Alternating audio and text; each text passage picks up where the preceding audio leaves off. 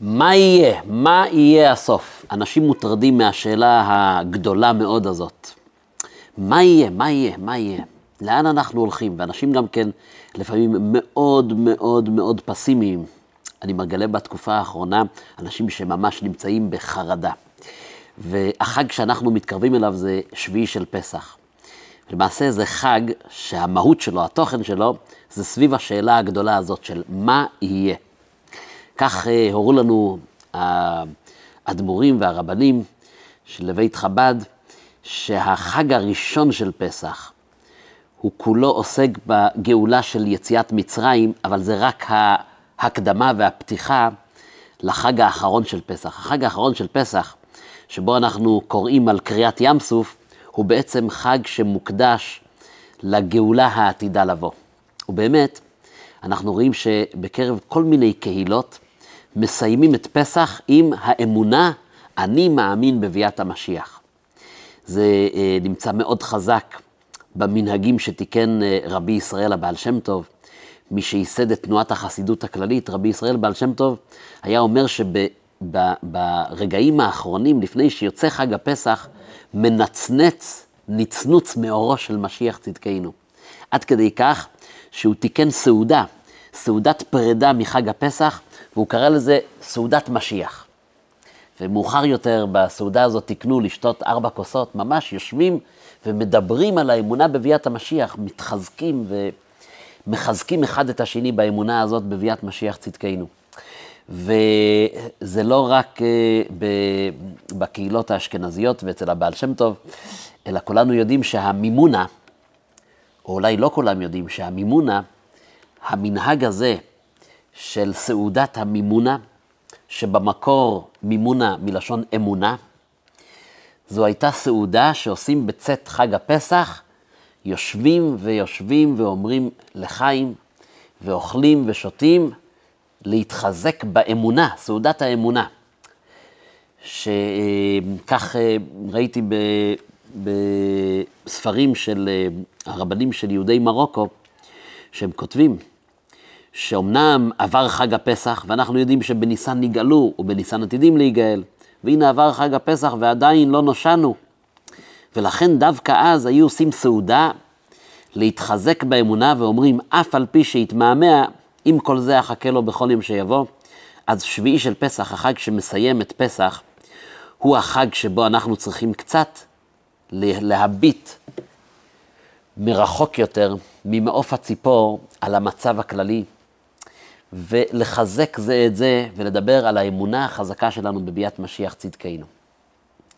וזה מה שנעשה היום בשיעור. אני רוצה אה, לטעון שאנחנו זכינו, אנחנו חיים בתקופה הכי מדהימה בהיסטוריה.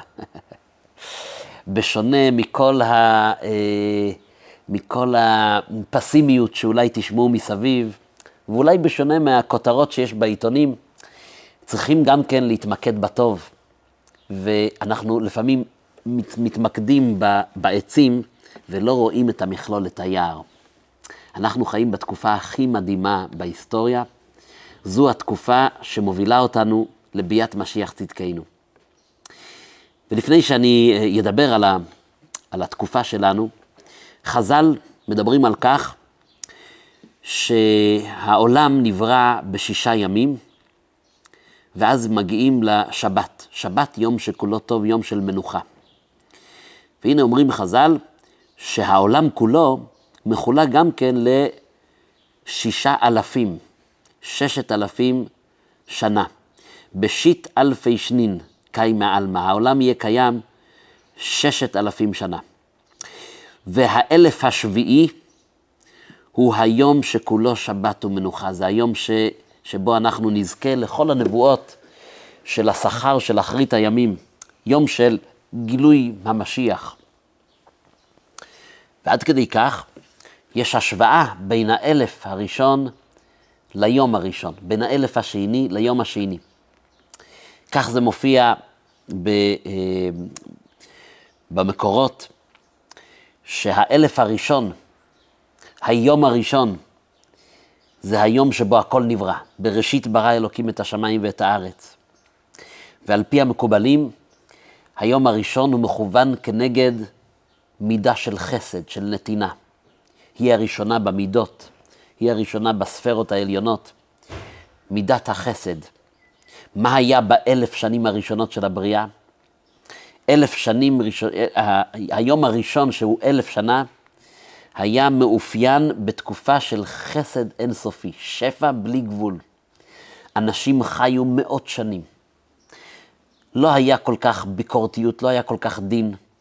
אנשים חיו, אנחנו יודעים שאדם הראשון חי 930 שנה. זו התקופה הראשונה, האלף השנים הראשונות של הבריאה, מידת החסד, אין סוף. אין סוף של שפע. ואז אנחנו מגיעים ליום השני. מה קרה ביום השני של הבריאה? בדיוק הפוך מהחסד, מידת הגבורה. אנחנו רואים בסיפור הבריאה שהיום השני הוא היה יום של הבדלה. המים התחתונים והמים העליונים נפרדו. זה היה יום של גבורות. ההבדלה הזאת היא הבדלה שעד כדי כך ביום השני לא כתוב את המילה וירא אלוקים כי טוב, שכתוב בכל שאר הימים בספר בראשית, בסיפור הבריאה. ביום השני, הבדלה, להבדיל בין מים למים, זה לא טוב. מה היה ביום, באלף השני של הבריאה? המבול שהחריב את כל הארץ. פתאום הכל זה דין, זה גבורות. ואחר כך אנחנו עדים לסיפור של אה, דור ההפלגה, שבנו את מגדל בבל, ניסו להילחם בהכל. זה האלף השני שמקביל ליום השני.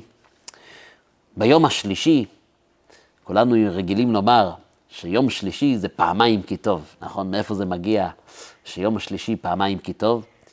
זה מגיע מזה שבסיפור של הבריאה, ביום השלישי כתוב פעמיים, וירא אלוקים כי טוב. בשאר הימים כתוב פעם אחת, אבל ביום השלישי יש פיצוי על אתמול, על יום שני, שלא נאמר כי טוב, ומתחיל ביום השלישי, מתחיל כבר העולם להיראות. המים זזו, ופתאום רואים את היבשה, ומתחילים לצמוח ביבשה עשבים וצמחים ופירות. ומה קרה באמת באלף השלישי של הבריאה שמקביל ליום השלישי? עם ישראל נבחר, יציאת מצרים, ובנו בחרת מכל עם. פתאום מתגלה אברהם אבינו, ומתחילים לראות מה התכלית של כל הדבר הזה. ב- ביום הראשון וביום השני עוד לא הבנו לאן זה הולך. ביום השלישי היבשה מתגלית, הכל מתחיל לצמוח. אברהם אבינו מתגלה באלף השלישי, ועם ישראל יורד לגלות מצרים, אבל אחר כך יציאת מצרים ומתן תורה. זה האלף השלישי שמקביל ליום השלישי. אחר כך ביום הרביעי נתלו המאורות, השמש והירח התחילו לפעול. חז"ל אומרים שזה מקביל לאלף שבו עמדו שני בתי המקדש. בית המקדש הראשון, ואחר כך הוא נחרב, ואחרי הגלות הקצרה חזרו שיבת ציון ובנו את בית המקדש השני. כל זה מתרחש באלף הרביעי. בתי המקדש האירו לכל העולם כולו. כמו השמש והירח, כך בית המקדש הראשון והשני. אחר כך, ביום החמישי, שרצו המים נפש, חיה, עוף מעופף על הארץ, רמז למה שקרה באלף החמישי. האלף החמישי אחרי שבית המקדש השני נחרב, ואנחנו מתחילים גלות ארוכה שבהם חיית הארץ והעופות שולטים בעולם, רמז לגלות שעם ישראל פתאום נמצא במקום לא טבעי, והחיות שולטות עליהם. אבל אז אנחנו מגיעים ליום השישי, ערב שבת. מה קרה ביום השישי בבריאת העולם? היום השישי זה התכלית, היום השישי זה העיקר. הנה צץ אדם הראשון, נזר הבריאה. הרמז הוא לשלמות של העולם. זה קרה ביום השישי. ומה המקבילה שלו באלף השישי?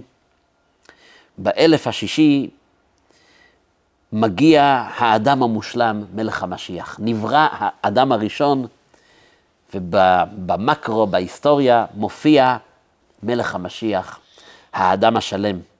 זהו בן דוד, אומר הרמב"ן, רבינו משה בן נחמן, אומר בן דוד, משיח בן דוד, הוא האדם השלם.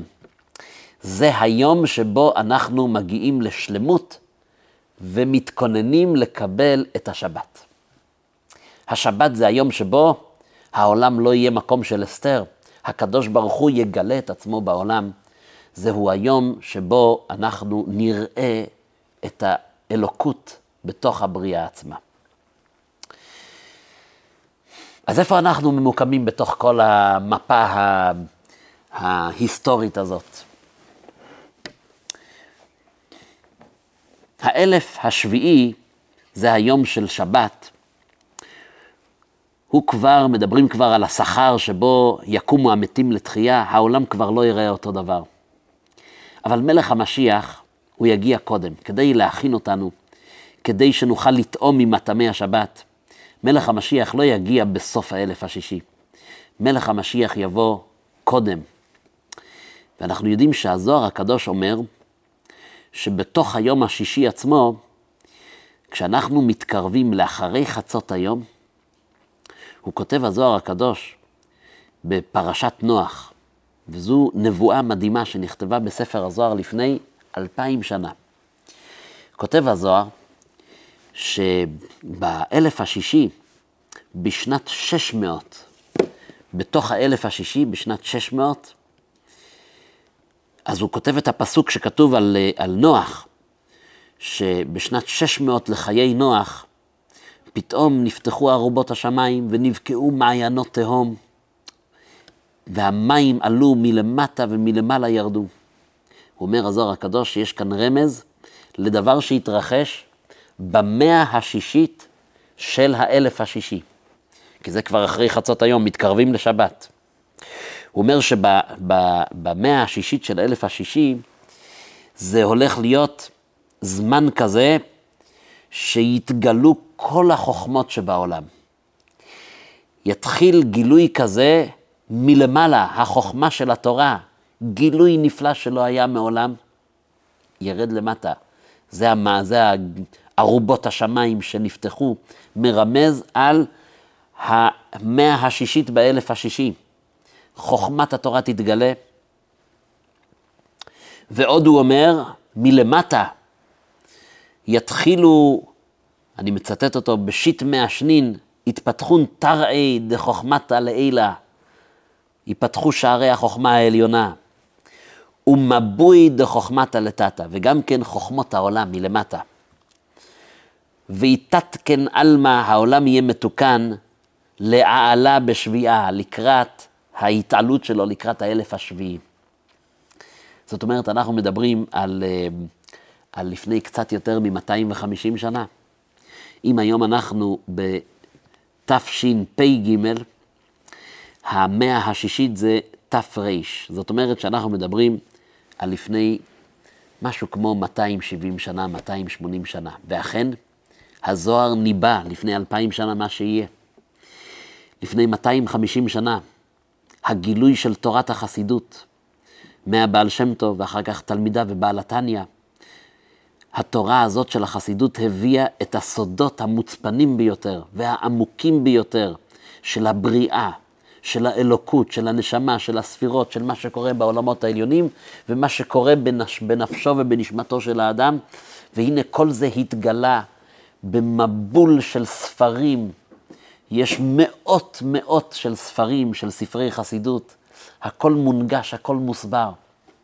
הכל מוסבר בצורה שאפשר לקחת את הרעיונות הכי עמוקים של הסוד, שעברו לאורך כל ההיסטוריה, מתלמיד, מרב לתלמיד ומאב לבן, והנה הדברים האלה פתאום הפכו להיות נחלת הכלל. אוצרות הסוד של העולם היהודי פתאום פרצו והיום כולם מדברים קבלה, כולם מדברים סוד. כולם מדברים את השפה הזאת, הכנה, טעימה, מתורתו של משיח צדקנו, שיגלה לנו את הסודות של התורה, אז אנחנו נוכל גם כן להצביע על הדברים ולומר, הנה, זה מה שלמדנו אז, למדנו על עולם האצילות, למדנו על עולם הבריאה.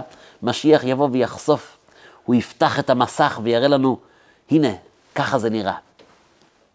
הנה אלוקינו זה, קיווינו לו, זה יהיה לעתיד לבוא. ובמקביל, כולנו יודעים שהמהפכה הגדולה של המדע והטכנולוגיה מתחיל בדיוק לפני 250 שנה. כל הגילויים הגדולים ביותר של המדע, שעליהם הדברים מושתתים עד היום וממשיכים לגדול ולהתעצם, המהפכה הטכנולוגית מתחילה לפני 250 שנה, עם הגילוי של כוחות הטבע שלא ידעו עליהם מה שיש בתוכם. והטבע והמדעים שואפים לגלות את האחד בבריאה. היום אנחנו כפר קטן, כל העולם כולו נהיה מקום קטן. אין כבר הגבלות של זמן ומקום. ברגע אחד אתה יכול לשדר שדר והוא מופץ בעולם כולו. הכל הפך להיות אחד, גם כן במדעים. פלא הפלאים, איך שהזוהר ניבא את זה לפני אלפיים שנה, שאנחנו נהיה עדים להתפרצות של החוכמה העליונה והתפרצות של חוכמת המדע מלמטה. והדבר הזה הולך ומתעצם. ואנחנו עדים לכך איך שהעולם מתקדם בקצב שאף אחד לא יכל לדמיין. וכאן אני מגיע לנקודה שלנו, של השיעור. אנחנו חיים בתקופה הכי מדהימה בהיסטוריה. אנחנו זכינו להיות אלה שחיים בדור, בתפר. אנחנו זוכים לחיות בדור של פעמי משיח, לראות בחבלי הלידה.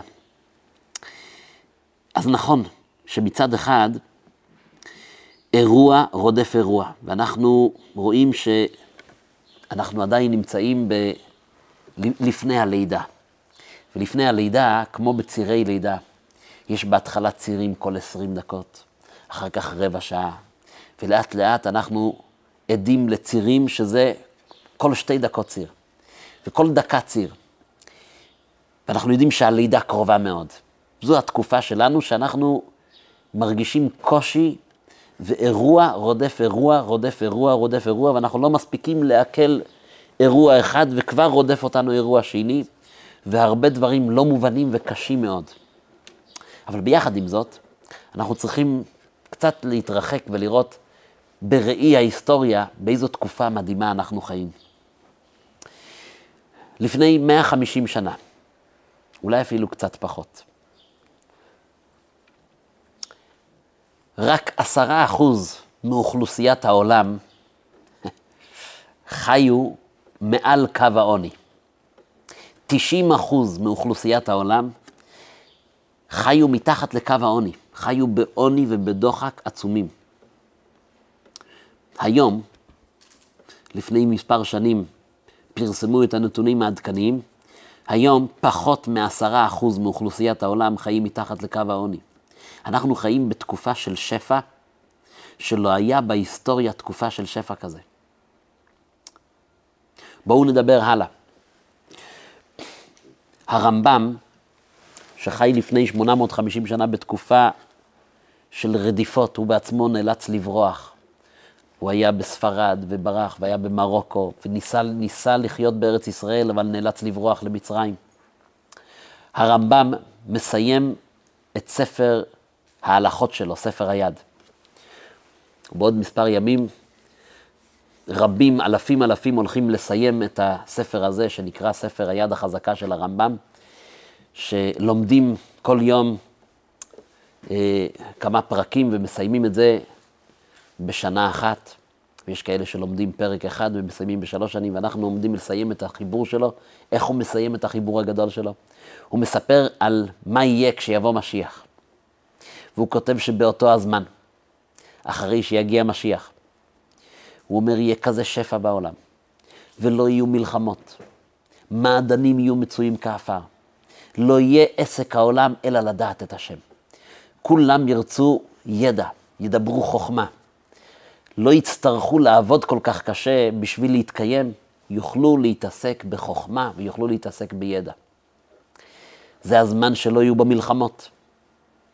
אלא וגר זאב עם כבש, כמו שכתב ישעיה הנביא.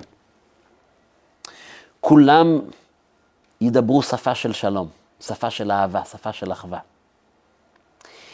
כשהדברים נכתבו בתקופת הרמב"ם, זה היה נשמע אפילו לא חלום. מי חלם שהעולם ידבר שפה של שלום?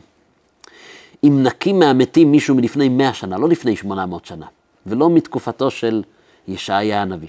אם נקים מישהו מהמתים לפני מאה שנה, ונגיד לו שהעולם כולו ידבר שפה של שלום, שעל הבניין של האו"ם כתוב מבחוץ, וכיתתו חרבותם לעיתים של, את הנבואה של ישעיה, של העתיד לבוא, החרבות, וכיתתו חרבותם לעיתים יהפכו לעט של, של, של חפירה לאדמה. שכלי הנשק יהפכו להיות כלים של שלום. העולם מדבר שפה של שלום. העולם חתום על אמנה של שלום. לפני מאה שנה היית מקים מישהו מהמתים, הוא היה אומר לך, אתה מדבר חלומות. לפני מאה, רק לפני מאה שנה, מלחמה זה היה דרך הטבע, זה היה הדבר הכי נורמלי. החזק מנצח. לאורך כל ההיסטוריה חיינו בג'ונגל, החזקים מנצחים. מלחמות זה היה השפה. והנה אנחנו חיים בעולם שמדבר שפה של שלום. ואם יש אומות שמתגרות זו בזו, ואם יש מלחמה, כל העולם מוקיע את זה, וכל העולם אומר, זו תופעה שולית, ואנחנו מגנים את זה. כל העולם מדבר שפה של שלום. כל העולם שואף לשלום, לצדק. וכשיש תופעה של טרור וכשיש תופעה של לחימה, אומרים, זה, זה בשוליים של השוליים של האנושות. אנחנו רוצים שיתופיות, אנחנו רוצים אהבה, אנחנו רוצים אחווה, אנחנו רוצים שלום. זו השפה שכולם מדברים. זה דבר מדהים. אנחנו נמצאים בתקופה של פעמי משיח. מצד אחד, חבלי משיח ועם ישראל עובר אירועים ואי אפשר להמעיט בדבר. ומצד שני, אנחנו חיים בעולם הרבה יותר עדין, הרבה יותר מזוכח, הרבה יותר מבורר. אנחנו נמצאים בעולם שכולו מדבר על שלום. אנחנו נמצאים בעולם שהאמונה בהשם הפכה להיות דבר שרוב העולם מדבר עליו. ולכן, בשביעי של פסח, כשאנחנו נשב בסעודת משיח, או בסעודת המימונה, או בסעודה משפחתית, כדאי, כדאי לאסוף את המשפחה, זה היום שבו מנצנץ אורו של משיח. בסעודה המשפחתית של יום שביעי של פסח, אנחנו צריכים לדבר אופטימיות. לדבר לשנה הבאה בירושלים הבנויה באמת. לדעת שאנחנו נמצאים בזמן מיוחד וצריכים להתכונן לזמן עוד יותר מיוחד של ביאת משיח צדקנו. צריכים לשמוח בתקופה שבה נולדנו, וצריכים גם כן לעשות עוד משהו קטן כדי לזרז את ביאת משיח צדקנו. והדבר הקטן הזה הוא לפעמים זה עצמו, שאנחנו מחזקים זה את זה באמונה בביאת משיח צדקנו. אני מאמין בביאת המשיח, ואף על פי שיתמהמה, עם כל זה אחכה לו. מישהו אמר בבדיחותא, יש את השיר, אני מאמין, אני מאמין, והפזמון הוא, משיח, משיח, משיח, אוי אוי אוי אוי אוי אוי. מישהו אמר בבדיחותא, שכשיבוא משיח, יהיו שני מעגלים של רוקדים. אלה שהתכוננו לבואו וציפו לו והאמינו, יהיו באורות וישירו, משיח, משיח, רוצים לקבל את פניו.